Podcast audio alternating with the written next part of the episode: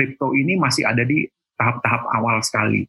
Ya jadi volatilitasnya masih tinggi karena kriptonya sendiri pun juga masih cari bentuk. Kripto, resikonya apa sih? Nomor satu, fluktuasinya tinggi, ya kan? Nomor dua, bisa aja jadi scam. Nggak usah berharap, oh saya mau uang saya hari ini satu juta, besok jadi satu miliar. Nggak usah. Ya kan, kalau mau kayak begitu, mendingan teman-teman ke Marina Bay Sands aja main aja di sana biar puas-puasin gitu.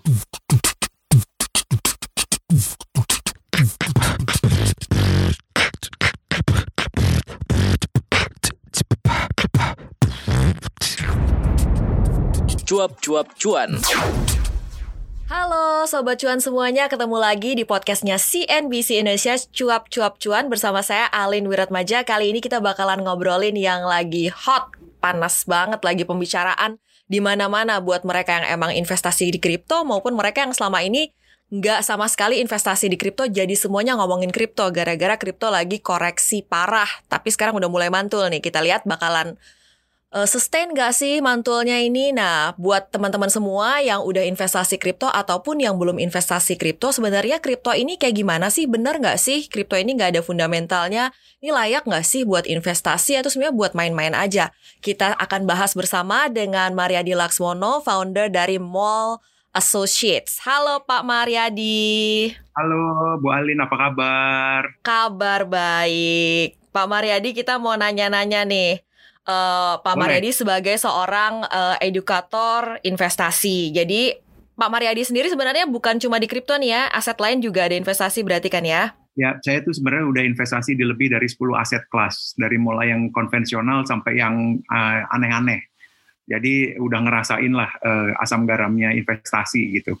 Oke, ngerasain investasi di 10 aset mulai dari yang memang uh, benar-benar safe sampai yang kayaknya aneh-aneh kata Pak Mariadi. Nah kalau untuk kripto sendiri ini tergolong yang aneh-aneh, ada fundamentalnya apa enggak sih? Banyak yang bilang ini tuh you create money out of a thin air gitu, nggak ada fundamentalnya gitu.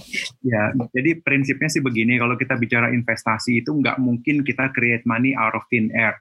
Ya pasti ada dasarnya dan pasti selalu ada ceritanya. Cuma sekarang yang jadi pertanyaan adalah kita mau nggak kasih extra effort untuk cari cerita dan untuk belajar.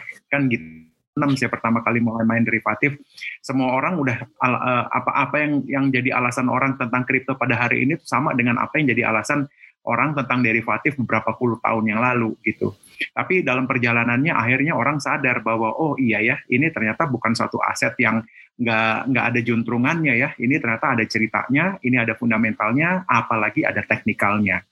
Jadi aku bilang sih kripto itu bukan sesuatu yang yang apa ya, yang jelek ya, bukan sesuatu yang nggak nggak jelas gitu. Itu ada kok cerita di dalamnya itu ada kok. Yang penting tinggal kita mau cari atau enggak. Itu aja sih ceritanya. Nah, apa sih ceritanya kripto nih yang perlu kita ketahui? Kenapa kita harus atau misalnya kita bisa mempertimbangkan untuk investasi kripto? Oke, okay. jadi yang pertama tuh kita mesti ngerti dulu kripto itu sebenarnya apa, ya. Jadi kalau kita mau bicara mengenai basic knowledge dari kripto, kripto itu kan sebenarnya mata uang digital, ya. Saya garis bawahi di sini digital. Nah, kenapa digital? Karena dia hanya ada di dunia maya, dia hanya ada di internet, dia hanya ada di uh, www, nggak ada di dunia nyata. Nah, kalau kita bicara sesuatu yang ada di dunia maya, yang ada di internet, maka apa sih sebenarnya yang jadi poinnya? Tentu teknologi yang mendukung di belakangnya. Ya kan? Nah, jadi sekarang kalau kita mau tahu apakah kripto ini sebenarnya adalah suatu uh, aset kelas, ya kita mau nggak mau memang harus belajar teknologi yang ada di belakang kripto. Ya apa sih sebenarnya ini? Nah, kalau kita sudah belajar sedikit mengenai teknologi yang ada di belakang kripto, kita udah pasti tahu, oh ini ternyata aset kelas seperti ini toh. Makanya sekarang dibilangin aset kelas digital. Ya kan? Bukan aset kelas finansial, bukan aset kelas yang real, tapi aset kelas digital. Kenapa digital ya? Karena memang ada yang namanya kriptografi atau teknologi yang mendukung prosesnya kripto. Nah, jadi itulah kenapa kita harus belajar teknologi yang mendukung. Itu, Bu Ali. Iya, kripto ini kan dimusuhi banyak pihak ya uh, regulator, otoritas, tapi apakah dia akan menjadi bagian dari masa depan kita melihat banyaknya uh, resistensi terhadap kripto? Ya, jadi begini, sebenarnya yang namanya pemerintah itu ada resisten terhadap kripto karena uh, sebenarnya ada ketakutan bahwa kripto tersebut bisa menggantikan mata uang yang ada sekarang, ya. Uh, memang kalau kita bicara kripto ini kan uh, agak berbeda ya dengan mata uang konvensional. Kalau di kripto ini, Bu Alin, kalau kita mau transfer uang, itu kita nggak perlu nulis nama, alamat, KTP, nomor telepon, dan lain sebagainya. Yang kita perlu tulis itu cuma public address yang kita miliki, public address orang yang akan menerimanya, sama jumlahnya. Ya, meskipun transaksinya transparan, artinya kita bisa lihat siapa pun yang melakukan transaksi, tetapi karena bukan nama yang ditulis, maka yang akan terlihat hanyalah public address yang berisikan 32 kombinasi antara angka dengan huruf ya. Nah, ini yang secara KYC memang ditakutkan oleh pemerintah gitu.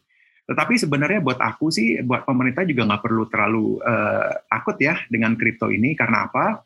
Karena yang pertama, uh, kripto ini sudah tidak mungkin dijadikan sebagai alat tukar seperti uang, ya.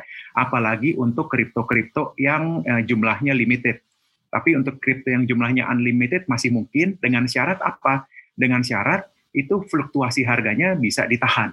Kalau fluktuasi harganya tidak bisa ditahan, masih seperti sekarang, itu nggak mungkin dijadikan alat tukar seperti uang. Ya. Nah, kalau aku sih ngelihatnya uh, yang pasti nomor satu, kenapa sih orang itu uh, ngelihat kripto sebagai sesuatu yang uh, uh, apa namanya belum positif? Karena yang pertama mungkin uh, belum mengerti sebenarnya apa kripto, dan yang kedua itu mungkin adanya ketakutan karena transaksinya ini kan uh, sebenarnya kan nggak kelihatan siapa yang melakukan transfer-transfer, siapa yang melakukan belanja. Nah, jadi mungkin secara KYC agak nggak masuk nih dengan standar sekarang. Ya, jadi itu okay. sih. Oke. Jadi memang lebih cocok dijadikan aset investasi ketimbang alat tukar nih. Pernah dijadikan alat tukar pada waktu itu ya yang kita peringati sebagai hari Bitcoin Pizza Day. Mungkin yang membeli pizza dengan sepuluh ribu keping Bitcoin menyesal atau enggak kita juga nggak tahu ya. Tapi memang seperti inilah gitu nilainya bisa uh, bertambah banyak luar ya. biasa dan bisa juga anjlok luar biasa seperti itu ya Pak Mariadi. Betul, betul Bu, betul. Ya. Dan kenapa itu terjadi? Itu terjadi sebenarnya karena kripto itu ada di early adopters pada saat ini. Jadi kalau kita bicara mengenai uh, apa siklus uh, produk ya, si kripto uh, ini masih ada di tahap-tahap awal sekali. Ya jadi volatilitasnya masih tinggi karena kriptonya sendiri pun juga masih cari bentuk.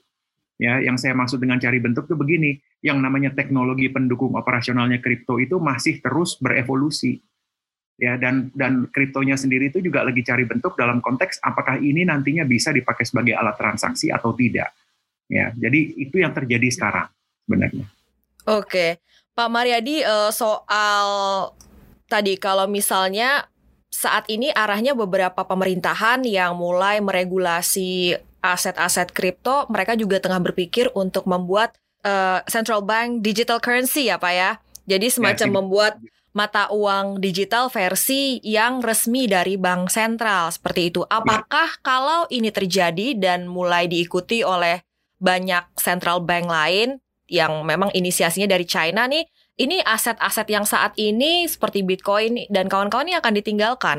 Kalau aku bilang sih tetap aja mereka akan jalan dengan sendiri-sendiri ya, karena mata uang yang ada itu kan digunakan untuk transaksional. Jadi untuk kita hidup tuh kita harus menggunakan mata uang yang ada. Ya, kalau sekarang ini mau hidup dengan mata uang kripto mungkin bisa, tapi nggak sefleksibel kayak mata uang biasa. Dan aku melihatnya ini akan berjalan seperti ini seterusnya sih. Jadi masing-masing itu akan punya posisinya masing-masing kripto akan punya posisinya sendiri ya di mana dia juga bisa dipakai sebagai alat investasi dan transaksional to certain extent. Sementara yang mata uang digital yang sedang dikeluarkan dan digodok oleh kebanyakan pemerintah tapi di Cina sudah di launching ya itu juga tetap akan jalan. Karena apa? Karena orang tetap butuh itu ya. Oke. Okay. jadi ya akan paralel sih Bu Alin akan paralel ya. Nah, jadi ya. buat yang sudah memang berinvestasi di kripto, di kripto ataupun yang belum berinvestasi di kripto, apa saja sih risiko-risiko yang mereka perlu ketahui? Atau memang ada tipe-tipenya orang yang memang cocok nih investasi kripto berdasarkan uh, profil risikonya ada juga yang sebaiknya oke okay, mendingan cari yang lain aja deh nggak usah deh kalau misalnya kita tahu profil risiko kita nggak cocok. Buat Pak Mariadi sendiri seperti apa nih Pak? Oke, jadi memang begini kalau kita bicara mengenai aset kelas kripto ya uh, beberapa kemarin itu saya baru posting di Instagram saya ya. Jadi memang di situ kripto itu diposisikan sebagai suatu aset yang paling berisiko. Jadi di atasnya option ya. Nah, uh, memang pada saat ini uh, apa namanya poin tersebut nggak salah karena kita lagi dalam tahap pengembangan ya. Maksudnya kripto itu lagi dalam tahap pengembangan. Jadi pasti yang namanya volatilitas itu pasti akan tinggi. Nah, cuma yang jadi pertanyaan adalah apakah kita mau ambil kesempatan sekarang atau nanti? Ya, karena kalau kita mau ambil kesempatan sekarang dan kita bermain dengan volatilitas, ya aku garis bawahi di sini bermain artinya bagaimana caranya kita bisa memanage risiko yang ada, maka harusnya kita akan dapat benefit ketimbang nanti kalau pada waktu segala sesuatunya sudah lebih settle, ya. Nah, apakah ada risiko e, berinvestasi di kripto? Jawabannya di semua aset investasi, bahkan naruh uang di bank pun ada risiko kok, bukan enggak. Ya kan? Jadi semua itu ada resikonya. Sekarang sekali lagi aku bilang, yang jadi pertanyaan adalah bagaimana kita bisa bermain dengan resiko tersebut. Bagaimana kita bisa memanage resiko tersebut. Kripto, resikonya apa sih? Nomor satu, fluktuasinya tinggi. Ya kan? Nomor dua, bisa aja jadi scam. Ya kan? Nomor tiga, sampai saat ini tuh memang orang tuh nggak ngerti kripto tuh apa, bagaimana sih kripto itu beroperasi dan lain sebagainya. Ya, nah itu adalah tiga resiko terbesar kita berinvestasi di kripto. Cuma apakah itu semuanya nggak ada jalan keluarnya? Ada, ya ada. Kalau kita mau bicara resiko, ya kita bicara resiko kita harus manage. Nah, bagaimana cara manage-nya?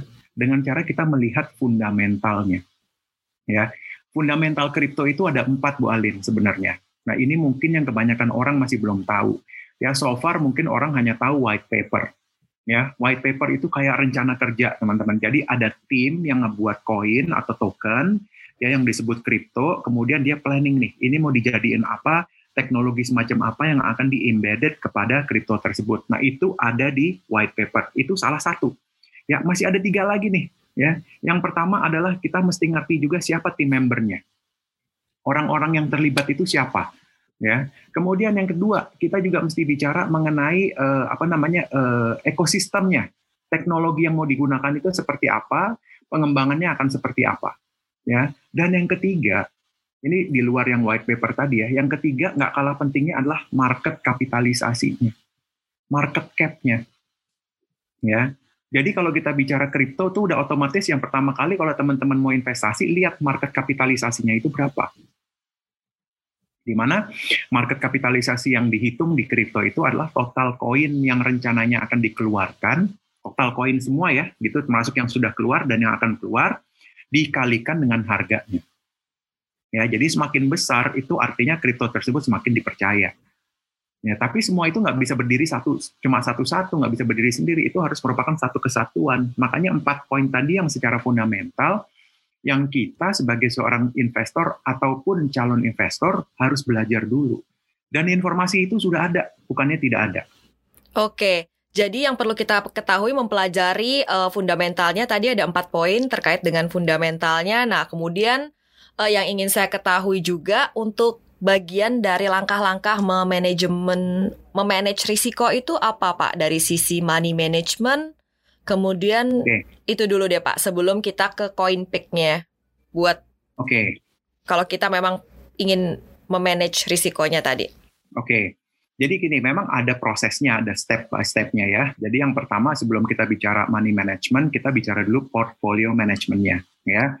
Jadi kalau buat saya, usulan saya bagi teman-teman yang memang baru pertama kali masuk, mungkin exposure-nya jangan lebih dari 10% dari total portfolio investasinya.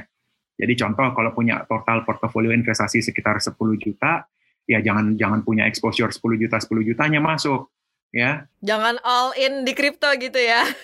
all in. Makanya aku nih kadang-kadang bingung teman-teman nih kalau dikasih tahu all in sama HK udah nggak mikir lagi jebret semuanya pasang beli gitu. Nah, ini yang bahaya juga gitu ya. Jadi jangan sampai itu terjadi. Ya, jadi 10% dari total portofolio kita. Nggak boleh lebih banyak. Ini kalau kita bicara di awal ya. Nah, kemudian kita bicara 10 persennya nih. Contoh dari uang 10 juta yang kita punya, satu jutanya kita mau masukin ke cryptocurrency. Yang mana nih? Tahap awalnya, ya kan, uh, aku bilang begini, tahap awalnya itu yang teman-teman masih fokus adalah ke kripto-kripto yang sifatnya blue chip. Ya, itu ada empat. Ya, sebenarnya ada dua sih. Yang major itu ada dua banget gitu. Cuma BTC sama ETH aja. Ya, cuma teman-teman bisa consider yang lain seperti BNB, uh, atau uh, eh, XRP ya gitu. Nah itu jadi jadi dua dulu lah BTC sama ETH dulu ya. Dan kalau kita mau bicara alokasi portofolionya, kalau boleh untuk teman-teman yang masih newbie, yang masih baru ya, itu sekitar 40 sampai 50 persen di BTC, kemudian 20 sampai 30 persennya di ETH. Sisanya teman-teman boleh main-main dengan barang-barang yang teman-teman suka. Suka karena gambarnya, suka karena namanya, suka karena lagi di apa diomongin di semua sejagat dunia, silahkan aja nggak apa-apa. Tapi ingat yang aneh-aneh kayak begitu hanya porsi kecil saja dari yang 10 persen, ya. Nah terus yang kedua, bagaimana caranya kita mau masuk nih? Nah masuk itu nggak caranya all in, ya di sinilah baru yang namanya analisa teknikal berperan. Jadi teman-teman juga mesti belajar juga analisa teknikal. Kapan mesti masuk, kita mesti lihat support levelnya di berapa. Dan waktu kita bicara support level, jangan bicara satu support level teman-teman. Kalau kalau bisa tuh kita bisa bikin dua atau tiga support level. Jadi supaya kita masuknya pelan-pelan. Ya, di support level 1 mungkin 20%, di support level 2 mungkin 40%, baru all in-nya di support level 3. Nah, support level 3 ini harusnya yang paling murah dan range antara support level 1 ke support level 2 itu paling nggak tuh 10 sampai 15 persen. Ini kalau kita bicara marketnya lagi down kayak kemarin, ya. Kalau marketnya lagi uh, momentumnya lagi naik, bagaimana? Kalau untuk eh, BTC atau ETH boleh all in, nggak apa-apa, gitu. Ya, jadi itulah yang aku uh, share sedikit sama Bu Alin dan teman-teman di sini. Ya, jadi nggak bisa kita main hajar-hajar dikasih tahu si ah oh ini barangnya lagi bagus bisa naik 20 ribu persen bisa naik 30 ribu terus semua duit kita ditaruh ke situ. Itu kalau udah begitu teman-teman itu udah percaya lah sama saya. Itu tanda berarti teman-teman akan kehilangan uangnya. Udah gitu aja. Jadi kalau yeah. teman-teman mau tahu ya kan apa tanda-tandanya kehilangan uangnya? Begitu. Gitu Seringnya kita kan suka ngeliat tuh di grup banyak yang sharing sekian persen cuannya untuk di koin-koin tertentu kita sampai nanya itu belinya di mana artinya kan kita belinya aja kita nggak tahu gitu kan nah ini apa sih yang perlu kita ketahui soal koin-koin uh, micin ya biasanya anak-anak nah. kripto bilangnya Oke, okay. saya, saya juga agak lucu juga ada ada yang bilangnya shit coins, ada yang bilangnya micin, koin micin gitu ya. Tapi prinsipnya sebenarnya gini, aku aku tanya dulu deh, mungkin aku boleh tanya sama Bu Alin sama teman-teman yang lain juga ya. Prinsipnya itu kita itu dengan uang kita mau ngapain sih? kita ini mau trading atau kita ini mau investasi. Berarti mindsetnya udah harus jelas dulu di depan itu ya Pak ya? Iya, mesti dong. Semua nggak cuma di kripto. Kita mau main obligasi, mau main reksadana, mau main saham, ya kita mesti ngerti prinsip dasar kita berinvestasi itu apa. Kita punya uang, ini uang mau diapain? Ya jawabannya pasti klise. Ya saya kepengen dong uang saya tumbuh sebesar-besarnya Pak. Saya kepengen uang itu bisa memberikan uang buat saya sehingga saya nggak perlu bekerja lagi. Boleh. Pertanyaan nomor duanya, sadar nggak sama resikonya? Sukanya kita tinggi, lupa ya. Nah, itulah. Padahal dalam dunia pendidikan itu sudah disebutin, Bu. Risk versus reward. Bukan reward versus risk. Benar nggak? Betul. Risk dulu yang dipikirin gitu ya. Exactly. Risk dulu yang dipikirin. Jadi ya belajar dulu dong. Barang itu seperti apa. Jangan, ini emang aku juga kadang-kadang agak agak bingung juga ya sama teman-teman yang masih muda-muda ini ya. Karena mungkin jiwanya masih masih berani gitu ya jadi belum-belum tuh nggak ngerti apa tahu-tahu mainnya udah koin micin. Ya. Dia nggak ngerti gitu, beli koin micin itu juga cost transfer transfernya mahal. Karena koin micin itu kan biasanya tidak diperdagangkan di exchange besar. Itu diperdagangkannya di exchange-exchange kecil. Nah, exchange kecil ini tuh butuh proses transfer sampai 2 sampai 3 kali dan itu costnya itu udah mungkin sekitar 20 sampai 30 persen dari initial investment kita. Wah, berarti untungnya harus lebih dari itu dong ya? Ya iya, betul. Untungnya harus lebih dari itu. Nah, karena akhirnya persepsi kita adalah, wah untung gua tuh harus lebih dari cost gua. Jadinya yang kita lihat apa? Barang-barang yang harganya masih 0,0000001, nolnya entah berapa kali, diharapin itu paling nggak nolnya hilang dua atau tiga. Karena kalau hilangnya nol, nolnya hilang dua atau tiga, untungnya udah seribu persen. Ya kalau kejadian, kalau nggak gimana? Ini bisa aja jadi nol ya Pak, aset-aset uh, shitcoin atau uh, koin micin ini ya? Bisa Bu. Kenapa? Karena nggak ada regulasi yang mengatur. Jadi so, semua orang, Bu Alin kalau mau bikin koin cuap-cuan juga boleh, bisa. Saya mau bikin uh, apa uh, cuan Maria uh, koin Mariadi juga bisa, nggak ada yang ngatur. Nah ini kemarin ada orang Indonesia yang dicari-cari ya Pak, dia uh, bikin scam ya Pak, bawa lari uang investor ya Pak. Nah itu yang 32 juta dolar itu kan katanya kan. Mm-hmm. Nah ya itu kejadiannya begitu gitu loh. Ya kan? Dan itu terjadi karena apa teman-teman? Karena pola teknisnya, pola operasionalnya nggak kita ketahui. Padahal yang namanya scam itu kita udah bisa identifikasi di awal. Kalau shitcoins itu Bu Alin, pada waktu dia lagi mau istilahnya mau jualan pertama kali, ini kan yang namanya konsep koin itu begini. Waktu dia mau jualan pertama kali, itu ada yang namanya pre-selling. Ya, Itu yang baru dijual itu adalah konsep. Ya, baru cerita lah, itu white paper itu yang dia jual dan itu pun bukan white paper yang final. Jadi kita kasih tahu, oh gue mau bikin koin untuk ini, untuk itu, untuk ini, untuk itu. Ayo gue mau perlu uang sekian. Dia bikin sosial media, dia kumpulin orang-orang, dia pom-pom di situ, ya kan? Setelah itu orang percaya, yakin, akhirnya mulai masukin duit. Ya kan ada progresnya, dibikin ada progres. Dia bikin pre-selling yang kedua. Ya kan, dibikin pre-selling yang kedua duitnya udah mulai banyak. Ya kan, orang percaya karena ada progresnya. Nah, mainnya mulai waktu di ICO. Waktu dia sudah mulai melakukan private private offering, ya. ICO itu kan beda sama gini kalau kalau di kripto itu ada dua proses penawaran publiknya. Yang pertama ICO, yang kedua IEO. Kalau ICO itu initial coin offering itu lebih private sifatnya kepada teman-teman dekat gitu. Tapi kalau IEO atau eh, initial exchange offering itu dilakukan melalui uh, exchange, jadi lebih publik sifatnya. Nah begitu duitnya kekumpul, ya udah tinggal kabur aja selesai. Mau gimana ceritanya? Wah, jadi baiknya jangan sentuh koin yang baru ICO ya. Mungkin amannya cari koin yang emang udah uh, listing di exchange exchange gede kali ya pak ya. Iya betul, ya betul gitu. Dan kalau maupun teman-teman juga mesti lihat dulu tim membernya siapa, ya yang ngerjain uh, apa namanya shitcoin shitcoin ini siapa dan apa inisiatifnya, ya. Dan okay. aktif dulu di sosial medianya mereka supaya kita ngerti itu progresnya gimana. Seperti okay. itu sih bu. Nah berarti kalau kita melihat fenomena yang terakhir ini di mana uh, Bitcoin harganya ancur-ancuran banget dan kalau Bitcoin ancur ini kan juga uh, kripto-kripto yang lain juga ikutan ya. Entah ya. gara-gara uh, China Food itu ya apa gara-gara China ban itu isu China ban atau gara-gara tweet Elon Musk tapi yang pasti ini koreksinya dahsyat banget. Nah, kalau buat teman-teman uh, semua apa sih yang perlu diketahui terkait dengan pemetaan atau pasar uh, aset kripto ini sebenarnya kayak gimana? Oke, jadi gini loh, kalau aku sih usulnya kepada teman-teman tuh begini. Yang pertama itu pelajari pola pergerakan harganya. Jadi kita bicara mengenai analisa teknikal nih, gitu ya. Karena kayak waktu kemarin eh, kripto apa si BTC itu turun sampai ke 30 ribu, semuanya bilang crash. Wah kripto crash, kripto crash. Crash buat yang beli di 50 ribu tapi buat yang beli di 25 ribu di awal tahun, tahun 2021 itu nggak crash karena mereka masih untung. Ya, jadi sebenarnya yang kemarin itu bukan crash. Ya, kemarin itu masih diprediksi kita itu masih ada di mid, bukan kita maksudnya eh, kripto ya, kripto itu ada di mid bull run. Masih bull market berarti ya, belum patah ya? Belum, belum masuk bear, belum belum belum masuk bear market, kita ada di mid bull run. Jadi bull runnya udah di tengah-tengah sih sebenarnya. Dan itu bisa dilihat dari mana bu?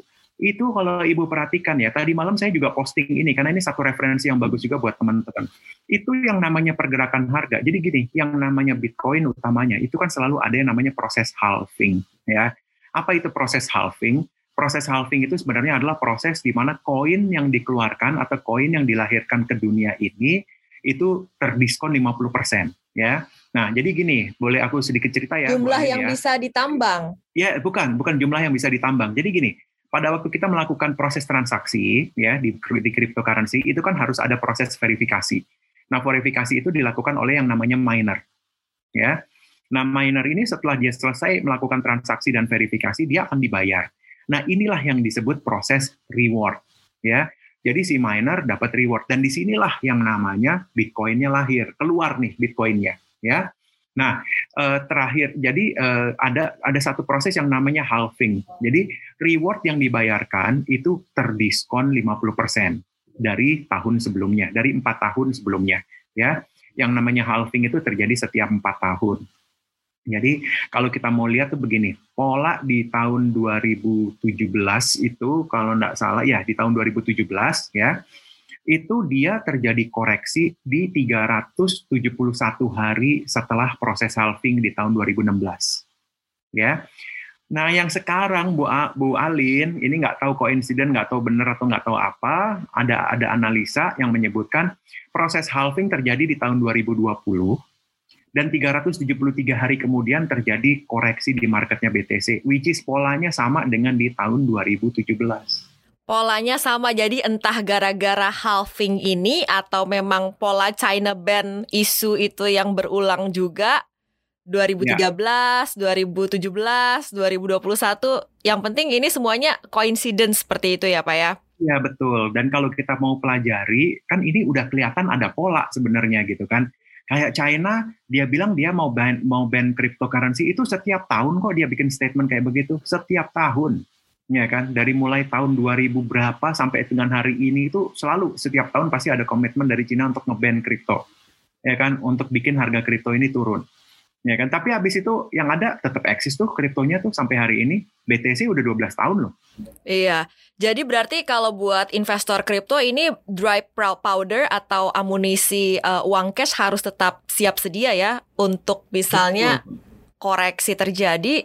Jadi kita nggak manyun gitu ya Pak Betul, betul Bu. Itulah pentingnya money management. Makanya nggak ada lah cerita all in sama HK-HK gitu, ya kan? Hmm. Selalu ada sisain uang cash. Kan kalau kita bicara teorinya kan 10% harus di cash, ya kan? Nah, jadi itu disiplin aja dengan itu. Jadi kalau ada opportunity-opportunity kayak sekarang, jangan dilihat ini sebagai crash, tapi lihat ini sebagai flash sale yang kita tuh bisa beli lagi di bawah atau kita bisa average down, average cost kita. Kan gitu, Bu. Oke, Pak Mariadi kita memasuki segmen tanya cepat. Ya, jawabnya cepat tapi dijelasin juga nanti setelah itu alasannya apa. Oke, siap ya Pak Mariadi. Pertanyaan ya. pertama. Ya. Bitcoin atau Dogecoin? Bitcoin. Kenapa harus selalu ada Bitcoin nih Pak? Ya 50% portofolio harus ada Bitcoin. Jadi nggak bisa nggak karena itu penyeimbangnya. Karena itu adalah uh, apa namanya uh, safe havennya. Oke, pertanyaan cepat kedua. Ya tetap di kripto atau diversifikasi? Diversifikasi kripto 15%. Oke, tetap harus diversifikasi ya di kripto ya. 15% menurut Pak Mariadi. Atau 10 tadi ya Pak Mariadi juga bilang antara ya, 10 atau yang, 15%. Kalau, kalau yang, yang baru Iya, kalau yang newbie 10 ya. Yes, yes, Oke. Okay. Pak Mariadi berarti totalnya udah berapa tahun nih di kripto? 12 tahun juga atau belum? Enggak, enggak. Kalau di kripto saya baru empat tahun. Baru empat tahun. Oke. Pertanyaan cepat ketiga. Untuk beli kripto, HK atau tunggu koreksi? Tunggu koreksi. Tunggu koreksi tadi dan juga diungkapkan strateginya ya bagi alokasi dananya menjadi tiga, cari support 1, support 2, support 3 dengan jarak 10 sampai 15 persen. Biar gak nyesel karena kita rasa kita belinya udah murah ternyata masih bisa lebih murah lagi. Oke, uh, pertanyaan cepat keempat Pak Mariadi. Ya. Kripto dan kawan-kawan ini investasi atau spekulasi? Investasi. Kenapa Pak? Kayak, karena saya beli kripto buat sekolahnya anak saya nanti. oh, buat sekolah anak. Jadi sebenarnya kalau kita mindsetnya very long horizon gitu ya, time horizonnya ini untuk jangka panjang banget, long term banget ini bisa buat dada pendidikan nggak sih sebenarnya Pak Mariadi? Misalnya nih anaknya baru TK, buat ya, uang kuliah um, gitu. Bisa aja Bu, kan Ibu lihat aja yang ceritanya pizza day kan. Satu pizza dibayar 10.000 BTC. Sekarang 10.000 BTC itu ekuivalen 420 miliar US dollar. Gimana tuh? ya kan? Sementara kalau kita bicara fiat, kita bicara uang, Bu, Ya kan? Average inflation di Indonesia kan 5%, Bu. Ini kita bicara average loh ya. Saya udah pernah hitung 20 tahun terakhir loh, 5% Inflasi loh. pendidikan lebih kenceng lagi ya, Pak, lebih cepat lagi. Bu, Ibu hari ini pegang duit 1 juta, ya kan? Ibu nggak investasikan, Ibu cuma taruh di lemari aja. Tahun depan itu uangnya Ibu tinggal value-nya tinggal 950 ribu. Jadi harus berinvestasi ya. Masalah Betul. instrumennya di mana dipelajarin aja mungkin ya Pak ya sesuai dengan profil risiko. Nah, saya balik lagi sebelum kita menutup ya. jumpa kita di cuap-cuap cuan ini uh, apa yang bisa disampaikan oleh seorang uh, Maria Dilaksono untuk teman-teman biar selamat berinvestasi di pasar kripto. Oke. Jadi buat teman-teman yang pertama khususnya generasi milenial, saya sih berharap teman-teman boleh berinvestasi di kripto ya tapi ingat kalau kita bicara berinvestasi itu selalu ada eh, apa namanya konsep portfolio manajemennya ya. Jadi 10%. Dan saya encourage teman-teman untuk berinvestasi di cryptocurrency ya. Kemudian yang kedua ingat juga money management ya. Karena bagaimana bagaimana kripto ini juga bisa memberikan opportunity untuk kita ya provided kita mengerti apa yang kita beli. Kalau teman-teman memang sudah mau uh, berinvestasi dan sudah niat berinvestasi, ya nggak cuma di kripto sih tapi di seluruh aset yang pertama harus teman-teman lakukan adalah pelajari dulu asetnya itu apa ya Jadi ambil kelas, baca buku, search di internet, aktif di sosial media, ya kan? Untuk cari informasi ini sebenarnya apa? Karena sekarang informasi itu sudah begitu mudah didapat dan di mana-mana dan tidak bayar lagi. Ya, jadi please uh, do your research ya sebelum benar-benar nyemplung. Kalau sudah nyemplung, ingat teman-teman, pesan saya, kalau mau berinvestasi, ada ada beberapa hal yang teman-teman harus ketahui dan harus harus mengerti di awal yaitu tentukan dulu apa tujuan investasinya. Jadi kita tuh mau mau ngapain? Aku selalu ngomong investasi loh ini, bukan spekulasi, bukan trading ya. Aku selalu ngomong investasi. Jadi kalau polanya investasi itu beda, horizonnya lebih jangka panjang ya. Uh, lebih lebih apa namanya kitanya tuh lebih harus pelajari gitu dengan baik dan benar ya. Jadi lihat uh, tujuan investasinya, yang kedua pelajari risk terhadap rewardnya ya. Itu benar-benar teman-teman harus pelajari itu dua hal itu ya. Kalau teman-teman sudah bisa pelajari dan mengerti apa yang bisa dibeli silahkan coba ya. Nggak usah berharap oh saya mau uang saya hari ini satu juta besok jadi satu miliar. Nggak usah ya kan. Kalau mau kayak begitu mendingan teman-teman ke Marina Bay Sands saja main aja di sana biar puas-puasin gitu ya kan tapi kalau polanya investasi itu ada yang namanya stages ada yang namanya step. Ya nggak bisa langsung dari satu juta sampai tahu jadi satu miliar. Itu itu nggak mungkin. Kalaupun mungkin kejadiannya mungkin satu banding satu juta gitu. Ya jadi jangan terlalu berharap tinggi. Yang penting adalah kita master proses dari investasinya. Karena begitu proses tersebut kita udah bisa mastering jadi otomatis eh, yang namanya result pun akan datang.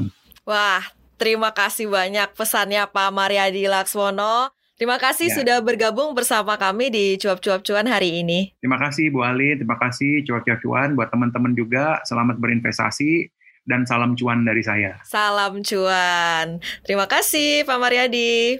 Ya itu tadi perbincangan kita dengan Mariadi Laksmono, founder dari Mall Associates terkait dengan investasi di kripto ini sebenarnya bagaimana sih? Ada fundamentalnya apa enggak? Apakah ini sekedar spekulasi semoga bisa menjawab pertanyaan teman-teman semua. Dan uh, podcast cuap-cuap cuan ini bisa Anda dengarkan di Spotify, Google Podcast, dan juga Apple Podcast. Salam cuan semuanya, bye!